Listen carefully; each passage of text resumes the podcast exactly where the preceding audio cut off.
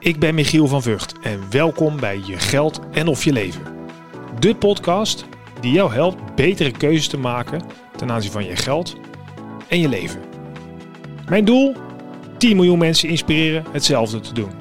En jij kunt meehelpen door deze podcast 5 sterren te geven bij Apple, Google en Spotify. Leuk dat je luistert. Deze podcast is overigens mede mogelijk gemaakt door NNK Vermogensbeheer. Ja, leuk dat je misschien ook kijkt. Nogmaals, het kan ook via YouTube. Als je dit luistert op Spotify, Apple, Google, Amazon, waar je ook luistert. Uh, hij kan ook op YouTube. Dan kun je ons zien. En uh, we is in dit geval ik en Theo Gommer. Leuk dat je er nog steeds zit. Ja. We hebben net uh, deel 1 opgenomen van onze podcast over pensioen. En daar hebben we, nou, heb je heel goed uitgelegd wat eigenlijk de situatie is waar we vandaan komen. En um, nou ja, hoe het eigenlijk ontstaan is met nou, de AOW, wat dat was, en de pensioenregelingen.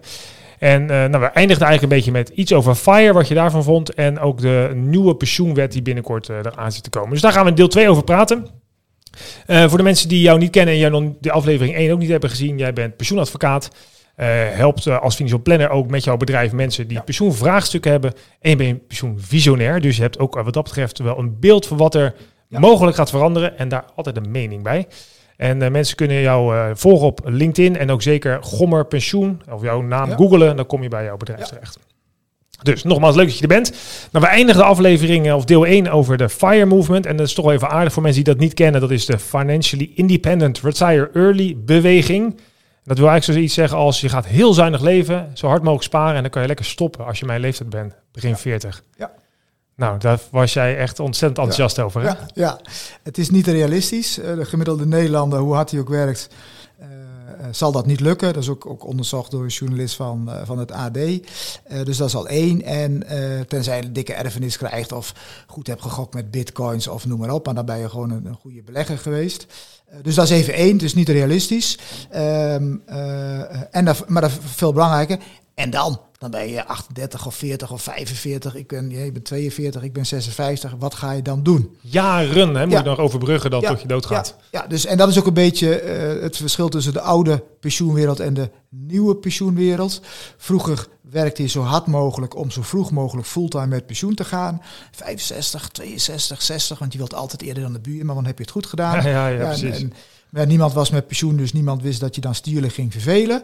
Um, los van het feit dat je als, als stucadoor of als stratenmaker of he, zware beroepen, dat hou je niet vol. Dat is, dat is wat anders, maar zoveel uh, mensen in die uh, beroepen ja, zijn, zijn veel meer naar de meer, dienstensector ja? gegaan. Ik zeg altijd, het zijn allemaal Polen tegenwoordig, dus uh, dat is dat is één. Uh, en B, maar zelfs dan nog, het is toch veel belangrijker dat je gezond je pensioen haalt en dan nog leuk kunt leven. Dus je moet anders gaan denken. Ik noem dat employability en pensioen. Zorgen, net als een marathon, hè, 42 kilometer, 42 uh, werkjaren, dat je het haalt. Met misschien een keer een tussenjaar, een sabbatical. Ja. Uh, om het vervolgens zo lang mogelijk part-time, al dan niet in een andere baan, vol te houden. En dat te koppelen met, nou ja, zinvol. Dat kan voor de een vrijwilligerswerk zijn, voor de ander ik fiets graag nog meer fietsen, maar dat doe ik nu ook al. De ja. derde wil heel vaak op vakantie, de volgende houdt van tuinieren, et cetera. Ik denk dat dat zinniger is dan die hele FIRE-beweging. Nogal naïef. Ja, want ik, ik, ik, ik zag een paar jaar geleden, sprak ik een Amerikaan, die had onderzoek laten doen naar de, naar, naar, naar, naar pensioensituatie in Amerika. En een van de resultaten waar hij achter kwam was dat de, uh, de, de grootste groep klanten van psychologen in Amerika zijn mensen die met, met, die met pensioen zijn een jaar of anderhalf. Ja. Die komen dan achter dat ze geen klap te doen hebben. Ja. En er worden ja. echt, want, en zeker als ze wat eerder gaan dan hun vrienden, die moeten gewoon werken. Ja. Dan spelen ze de golfbaan twee keer uit en dan wat moet ik dan nog in godsnaam gaan doen? Ja. Ja, ik ken zelfs mensen die, uh, die werken bij een groot bedrijf waar mijn vriendin werkt. En die zeggen, goh, kan ik nog een jaartje langer blijven werken? Want uh, anders uh, zit ik thuis met mijn partner de hele dag. Oh, ja, kijk, ook, ja, ook. Ja. En dan krijg je toch een beetje, kijk, um, het, ik, ik, ben uh, uh, visionair omdat ik geen mening heb. Ik, ik, zie gewoon hoe ontwikkelingen in, in de wereld, in de markt zijn. Ik lees veel van nou ja, juridisch, sociologisch, et cetera. Nou, je ziet gewoon een tendens tot verpersoonlijking, ook dus binnen het pensioensysteem, maar ook gewoon persoonlijke keuzes. Dus ik vind prima dat iemand knetterhard werkt en dan op zijn 45ste zegt, nu ga ik lekker de hele dag niks doen en ik ga naar Bali en heel goedkoop leven. Ik vind het prima, maar dat is nogmaals niet realistisch. Maar ik vind wel dat iedereen zijn eigen keuzes moet ja, kunnen maken. Ja, en dat is, is prima. Ja. ja. Is het, is, mocht het Ik heb zo'n vage herinnering, maar ik weet niet of dat klopt. Mocht je vroeger überhaupt nog wel werken na je pensioenleeftijd? Nee, het was eigenlijk not done om, om uh, na pensioenleeftijd nog te werken. En je wordt nog steeds, terwijl de officiële, dus nu kun je nagaan aan de vandaag, de officiële werkgeverspensioenleeftijd is 68. Maar de AOW gaat in, dat we zeggen even op 66,5, 67. Dus ondanks het feit dat jij een contract hebt voor onbepaalde tijd bij jouw werkgever, met dus een contract, mag jij nog steeds van de Hoge Raad ontslagen worden, met weliswaar een eenmalige keus, op de AOW-datum. Dat is toch raar? Ja, ik heb een contract met jou als, als, als werkgever. Er staat in 68, je krijgt pensioen, aanvullende arbeidsovereenkomst, 68, geïncorporeerd in de, in de arbeidsovereenkomst. En dan ben ik 66 en 8 maanden en dan zeg je nou Theo bedankt en tot ziens. Dus zelfs dat kunnen ze niet juridisch goed tackelen in, uh, in Den Haag. Terwijl nu de bedoeling is juist dat mensen doorwerken na pensioendatum. En dat mag gewoon. Je mag gewoon werken tot je 80 je 90 Dan krijg je en pensioen en een beetje salaris. Ah, ik, ik, ik kan me ergens wel voorstellen dat je als werkgever ook denkt van iemand die met zijn 88ste uh, met, een, uh, met een scootmobiel aankomt rijden. Dat je denkt, nou daar wil ik een keer vanaf, toch?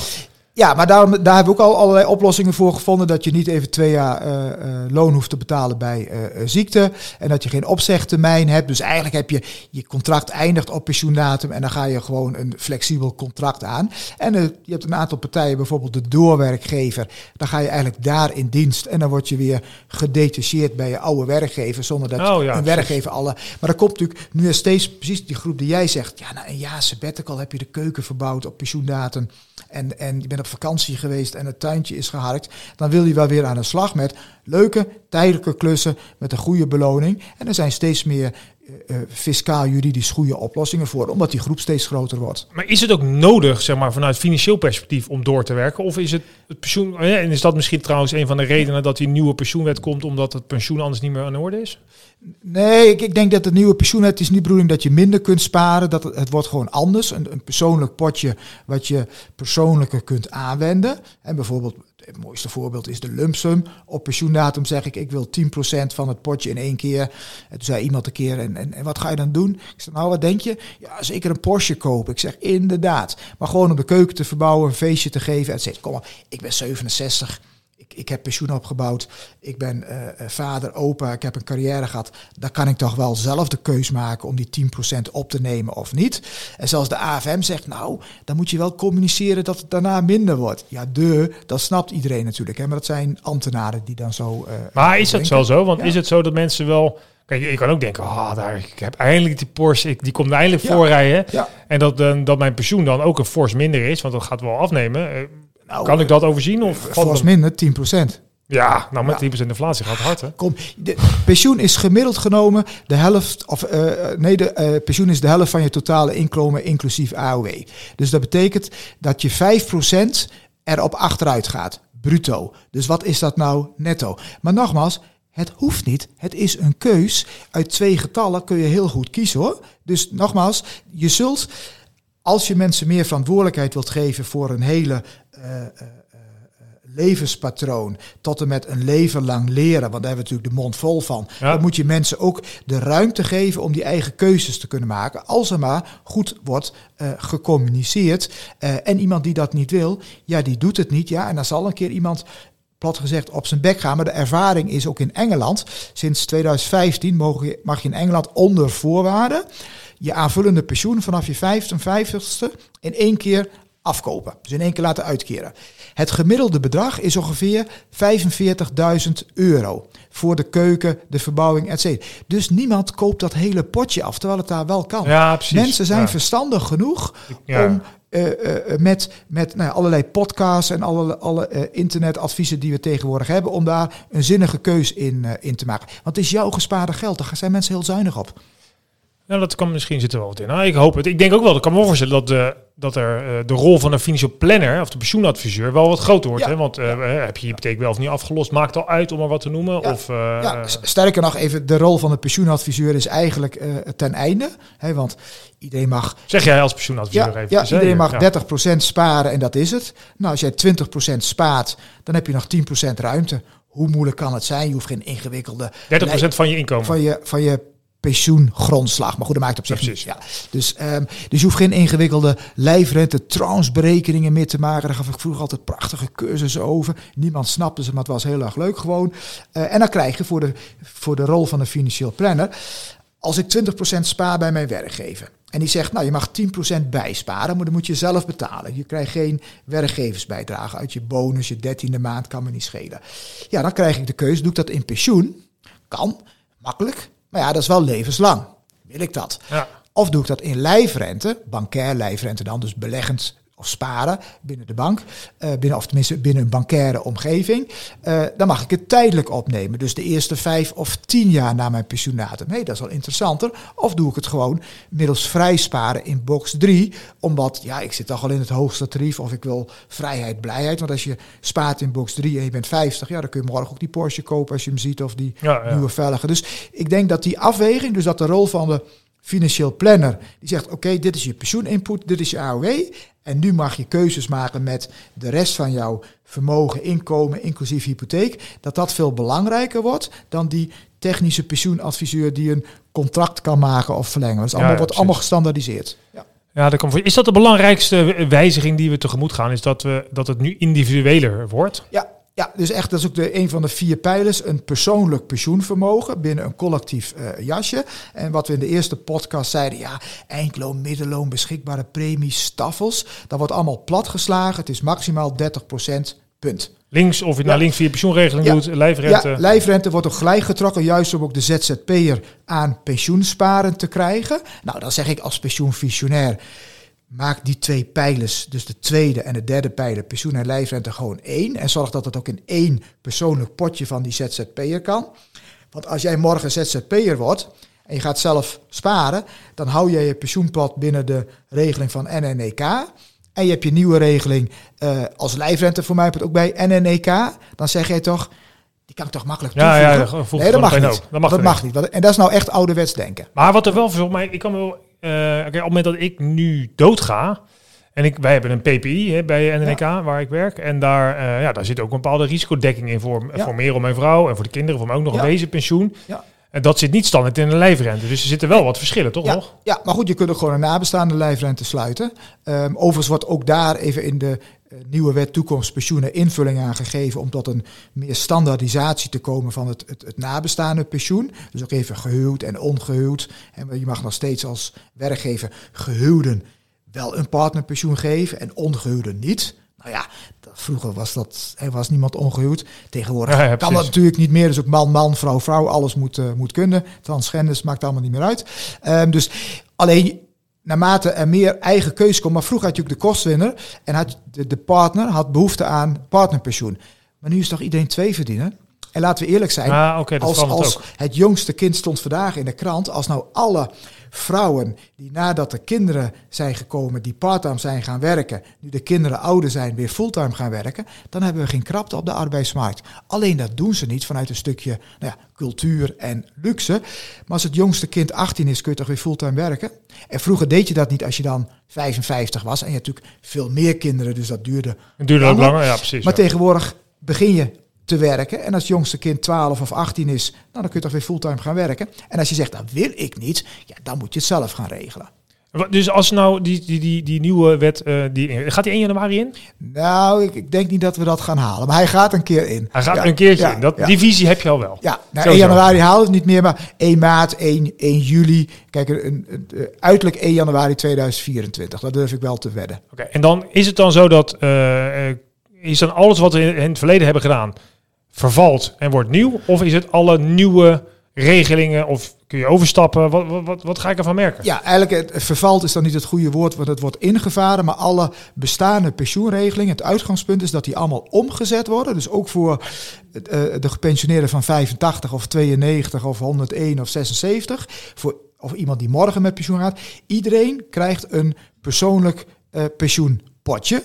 In een collectief jasje met wat solidariteit. Maar iedereen gaat zien, niet ik heb 15.000 pensioen de rest van mijn leven. Maar ik heb een pensioenspaarpot van 300.000 euro. Ja, waar het in de eerste aflevering over had, het staat er min of meer gelijk aan elkaar. eh, maar je krijgt nu veel meer inzicht in hoeveel geld je echt hebt. Ja, ja, en de nieuwe topman van MN Services, Frits van Brugge, Vroeger NN, toen ANWB en nu dus de, de, van, Oh ja. de, de- van de metaalpensioenfondsen die zei... mensen zullen verbaasd zijn hoeveel hun pensioen waard is. Want in plaats van op jouw uniform pensioenoverzicht... dat je, ja, je hebt recht op 10.000 pensioen... of als je zo doorgaat krijg je later 20.000 pensioen... zie je nu opeens, als je 42 bent... hé, hey, mijn pensioenpot is eh, 150.000 euro waard. Daar word je toch veel blijer van. Ja, en dan ja. krijg je ook de interactie. Dan ga je vragen... oh, eh, Matteo, die, die, je vertelde iets over die lumpsum van 10%.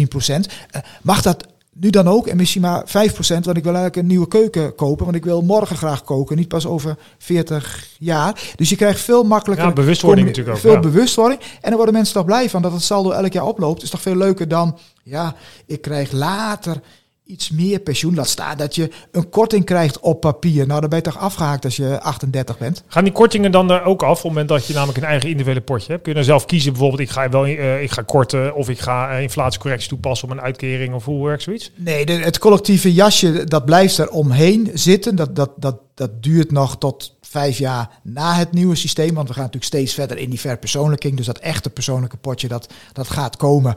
Nee, ik ben 56, ook al werk ik nog 20 jaar. Dat zal ik misschien nog net eh, eh, meemaken. Alle andere moderne landen die ons hebben ingehaald op de wereldlanglijst pensioenen, die hebben ook al veel persoonlijke eh, pensioenen.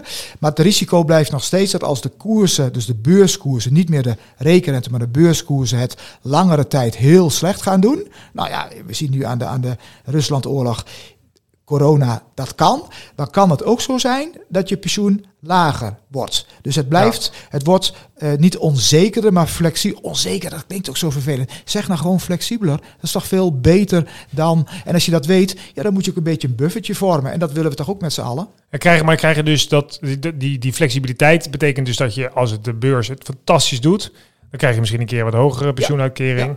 Eh, we hebben nu zelf, waar ik werk, dan een, eh, die uitkerende lijfrente. Dus mensen zeggen, Ja. ik heb een paar ton opgebouwd en ik Ja. wil een deel eh, verzekeren voor de rest van mijn leven en een deel beleggen. Dan krijg je dat Ja. natuurlijk ook, hè, gefaseerde uitkeringen. Dat wordt een beetje vergelijkbaar. Ja, ja, dus even de beleggingslijfrente in de uitkeringsfase doorbeleggen naar pensioendatum. Dat gaat nu feitelijk iedereen doen. Maar wel bijvoorbeeld met een solidariteitsreserve. En die is dan 15% van, noem maar nu even die 1500 miljard. Dat is dus wel 225 miljard die in nog steeds een soort positief dekkingsgraadpotje zit. Waardoor je kunt zeggen, dan gaan we in ieder geval die flexibilisering een beetje matigen. Zodat mensen er zeker niet op achteruit gaan. En bij voorkeur, zeker met een hoge inflatie, wordt er nog steeds geld uit dat potje gegeven Ja. aan de gepensioneerden. Maar ja, dan is het toch wel weer, als het potje op is, ja, dan hebben de, de toekomstige gepensioneerden minder. Dus die solidariteit blijft erin zitten. Dus de verschillen zijn ook niet zo heel erg groot. Valt best wel mee. Maar, en, maar het is wel zo, want ik hoorde je net al zeggen dat die, eh, die ruimte hè, van je pensioengrondslag gaat naar 30%. Nou, dat is een, voor de lijfrente een forse verhoging. Ja. Want dat was Ja. 13, meen ik. Ja, Dus dat, dat biedt eh, de zelfstandige ondernemer misschien meer ruimte om ook een goed pensioen op te bouwen. ja. Is de inschatting dat daar überhaupt genoeg, genoeg ruimte... eh, de ruimte is al hoog, maar dat ook mensen überhaupt dat kunnen inleggen? Of is Nee. dat, nee, hè? Nee, want zelfs die 13,3% wordt nu niet eh, benut. Eh, dus als je dat, en dat is ook even wat, wat staatssecretaris Kleinsma zei in die perspectiefnota in 2016, een goed pensioen voor alle werkenden. Als je dat echt wilt en je ziet dat het aantal ZZP'ers blijft toenemen, want wat ze in Den Haag ook bedenken, het aantal ZZP'ers gaat toe blijven nemen. Dat kun je niet temperen, met welke maatregelen ook niet. Laat staan alle werknemers, dus de witte vlekken, wel een baan, maar geen eh, eh, eh, pensioenregeling. Dan moet je komen tot een minimale pensioenplicht dat je moet inleggen.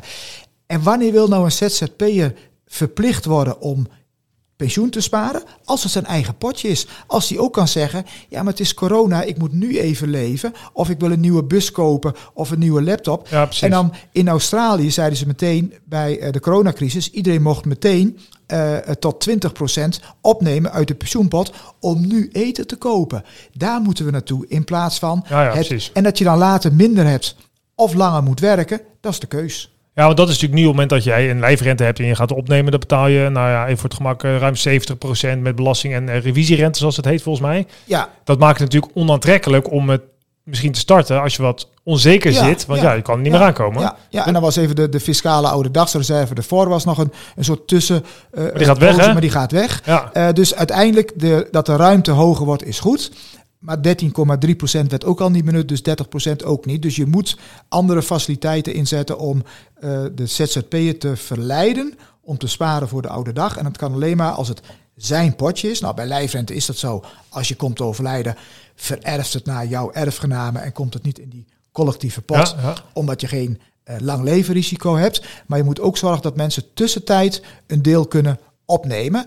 Eh, en dan kun je heel makkelijk zeggen, nou ja, de eerste 10% van je inleg is vast, maar alles boven de 10%, daar mag je de helft altijd opnemen. Maar is dat dan nu Ja. geregeld of is dat Nee, wat nog loopt? nee, nee, dat komt nog, maar dat staat al lang in mijn 10 punten plannen, dus dat duurt nog een paar jaar. dus je hebt hem al eh, ergens ja, ingediend ja, en dat, eh, die, die lobby loopt. Ja, Die dat, dat lobby komt loopt. wel goed. Ja. Oké, heel gelukkig maar.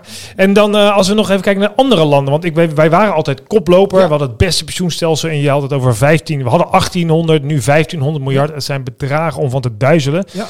Dat is altijd nog voor mij twee keer ongeveer ons BBP zou je zeggen. Ja, ja, minstens. ja. Maar goed, dat is niet meer het beste wat het kennelijk was. Wat voor landen hebben ons ingehaald en hoe komt dat? Ja, eh, IJsland, eh, Denemarken, Noorwegen, Singapore, Australië, zelfs Chili. Omdat Chili pas 15 jaar geleden met een nieuw modern systeem is begonnen. Ook gewoon persoonlijke potjes, gestandaardiseerd. Eh, dus alle landen om ons heen waar het persoonlijker wordt en met meer eigen keuzes, die hebben ons ingehaald. Dus we stonden in 2016 en met name omdat we een goede governance hebben, en die hebben natuurlijk goed toezicht, hebben we het net gered. Eh, en nu staan we op plek 8. En als het doorgaat, binnen een paar jaar staan we op plek 20. Zeker als dat nieuwe eh, pensioenwet er niet doorkomt. En als we niet nog meer vrijheid geven, om juist omdat we zoveel vermogen hebben, kunnen we ook vrijheid geven. Want landen als Frankrijk en Spanje en Italië, die hebben wel niks gespaard.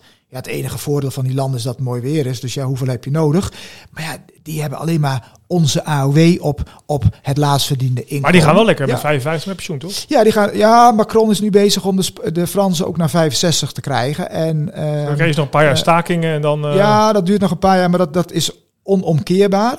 Ehm, je moet wel kijken hoe oud ze daar worden in vergelijking met hoe oud wij natuurlijk worden. Maar laten we niet naar andere landen kijken. Laten we het gewoon zelf beter doen. En leren van de andere landen en daar het beste uit Maar als je kijkt naar die, eh, die noemde Singapore, Australië, aan de Scandinavische landen, is dat dan doordat de laatste, eh nou ja, laten we zeggen, decennium is de beurs, dat heeft het heel goed gedaan. Ja. En daarmee, dat individueel potje ja, heeft dan ook een goed pensioen. Is, is dat het geluk voor die landen of is hun systeem ook gewoon echt veel beter dan dat wij nu hebben? hun systeem is gewoon beter omdat het meer aansluit bij eh, de huidige eh, maatschappij.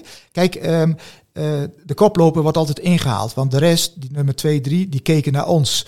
Maar inmiddels hebben ze ons ingehaald. Dus eh, eh, eh, de, de, de koppositie bereiken is makkelijker dan daar blijven. Dus je moet gewoon verstandig zijn. En dan niet zeggen van ons systeem is het beste. Ik lees het nog, nog dagelijks in reacties op LinkedIn. Ja, maar we hebben het beste pensioenstelsel. Dan moet ik zeggen, weer type nee, dat hadden we. We moeten veranderen, anders glijden we nog steeds verder af. En krijg je echt een tweedeling tussen even de ouderen en de jongeren. De actieve en de niet-actieve. Tussen allerlei doelgroepen ja, dat appelleert gewoon aan de huidige maatschappij. Iedereen moet ruimte krijgen om het zelf in te vullen. En daarvoor moet je het loslaten en eigen verantwoordelijkheid durven te geven in combinatie met goede opleiding, goede begeleiding, goede financiële begeleiding, eh, goede pensioenregelingen, goed toezicht, et cetera. Zit dat ook een van jouw tien punten? Want ehm, de, de financiële educatie in Nederland loopt nog wel wat anders, om maar het zo te zeggen, dan bijvoorbeeld in Amerika. Hè? Daar, omdat wij natuurlijk altijd vaderlijke staat hebben gehad die voor ons zorgde, zijn wij nooit opgeleid om, iets, om ons na te denken over ons geld. Ja. Is dat iets waar we ook nog iets mee kunnen? Ja, ja we moeten, dat, dat zeggen ook even alle eh, eh, deskundigen van Henriette Prast, hoogleraar eh, financiële planning aan de Universiteit van Tilburg, Theo Kokke, noem maar op allemaal. We moeten op de middelbare school bij, ik zeg altijd voor de gein, maatschappijleer of economie al zeggen, goh, kleine Michiel, je wordt dit jaar 17, dus je gaat pensioen opbouwen. En jij, ha, ha, ha, pensioen. Want dat klopt, want vanaf je 17e bouw je AOW op Ja, oh, tot je 67ste. Ja, ja. En dan ga je dat uitleggen, want het gaat om geld en de jeugd is geïnteresseerd in geld. Die gaan vakantiebaantjes doen, et cetera. Maar nogmaals, dat is alleen interessant als je op dat moment gaat sparen voor jezelf en ook als doel kunt hebben, oké, dus als ik veel spaar, kan ik op mijn dertigste een deel van het geld gebruiken om een huis te kopen, te financieren, of een Ja. oud huis en dan een nieuwe keuken. Ja, dan is het toch veel leuker dan, nee, je moet nu sparen voor over 50 jaar. Dat valt toch niet te Ja, compenseren? dat kunnen we natuurlijk ook helemaal niet bevatten. Dat is veel te ver weg. En misschien even tenslotte, want wat jij vanmorgen eh postte was, eh, ging over een, eh, iets wat, wij, wat ook nog een beetje lastig is in onze maatschappij volgens mij.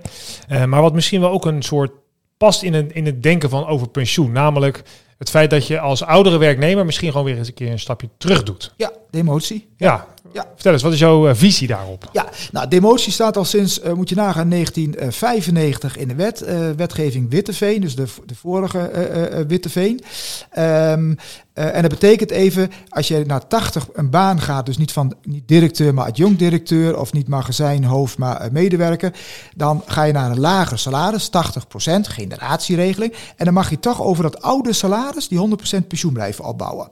Dus het kan al lang. Alleen demotie, dat is het tegenstellen van promotie. En die babyboom generatie is alleen maar gewend in promotie en niet in demotie. Maar dat is natuurlijk de oplossing vanaf je 60ste of misschien wel vanaf je 55ste. Een minder stressvolle baan. Niet meer vijf dagen, maar vier dagen. Eh, twee dagen in de week thuis. Nou, inmiddels is dat met corona natuurlijk gemeen goed geworden. Vanuit huis werken, zodat je niet een vrije dag hoeft op te offeren omdat de loodgieter om tien uur komt. En dan komt hij dus niet, of het pakje, et cetera. Om het uiteindelijk, hé, hey, want dan heb ik iets minder inkomen. Nou, dat kan ik deels aanvullen met een stukje pensioen. Maar dan heb ik minder pensioen. Maar als ik dan wat langer ga werken, dus niet tot 65 of 67, maar gewoon tot 70 of 72. Nou, dan heb ik hetzelfde, maar op een veel prettige manier. Dus het doel is niet meer zo hard mogelijk werken om zo vroeg mogelijk met pensioen te gaan. Het doel in het leven uh, uh, moet zijn, in de zin van daar moet het systeem op ingericht zijn, om het zo lang mogelijk vol te kunnen houden. Van, kijk, uh, de ouderen, en misschien zelfs wij al een beetje onze leeftijd, ja, dan lachen we over die burn-outjes van die jongeren. Ja, daar kun je om lachen, maar het is wel zo, die hebben financiële stress. Dus je zult ze moeten helpen en meer ruimte moeten geven en zeggen, oké, okay, dan doe je een stapje terug, dan pak je die carrière over drie jaar weer op, in plaats van over uh, nu je helemaal doodwerken en dan ja, vroeger ging je in de, in de, in de WHO en dan was ja, je uitge, ja. uitgelut. Dat moeten we echt voorkomen. Want nogmaals, we hebben alle mensen nodig. We hebben toch te krap, krap op de arbeidsmarkt. Dus uh, we zullen echt moeten zorgen, dat meen ik serieus, dat al die, die grote groep babyboomers, dat die niet uit het arbeidsproces gaan, maar het parttime zo lang mogelijk volhouden. Anders krijgen we het werk niet gedaan. Ja, en dus dan, lossen we dan op. Dan heb je tegelijkertijd dat de grote klap van keihard werken en niks doen ja. ook uh, weg ja, is. Is ook niet goed. En we kunnen langzaam maar zeker ook nog kennis overdragen aan de generatie die eigenlijk de nieuwe uh, rol gaat innemen. Dus eigenlijk goed pleidooi. Ja. Dus uh, allemaal maar demotie doen in principe. Als je maar wat ouder bent. Ja, dat denk ik wel. Ja. Ontzettend bedankt voor je tijd. Graag gedaan. Uh, onwijs bedankt voor het kijken of luisteren. Wil je nou meer weten over je pensioen? En ik zou je aanraden als je daar niet genoeg van af weet of een niet goed uh, een gevoel van hebt, doe dat. Want het is echt belangrijk. Hoe eerder je eraan begint en over nadenkt, hoe beter dat is. Uh, dus uh, zoek Gommer Pensioen. Theo Gommer. Googelen, LinkedIn, je vindt hem. En dan kun je via zijn bedrijf absoluut geholpen worden. Theo kent genoeg mensen die jou daar inzicht in kunnen geven. Of misschien helpt hij jezelf wel als hij zin heeft. heb je hier vragen over? Kan dat bij mij op de website michielvanvugt.com met VUGT of nnk.nl. Dan verwijzen we weer met alle liefde door naar Theo of een van zijn collega's. Ten slotte, geef een comment onder deze YouTube-video als je hem daar kijkt. Of uh, laat een review achter via een van de podcastkanalen. Want zo uh, word ik beter gevonden en kunnen we samen meer mensen helpen betere keuzes te maken voor het leven dat nog voor hen ligt. Nogmaals dank voor het luisteren en het kijken. Tot volgende week of de week daarna. Tot ziens.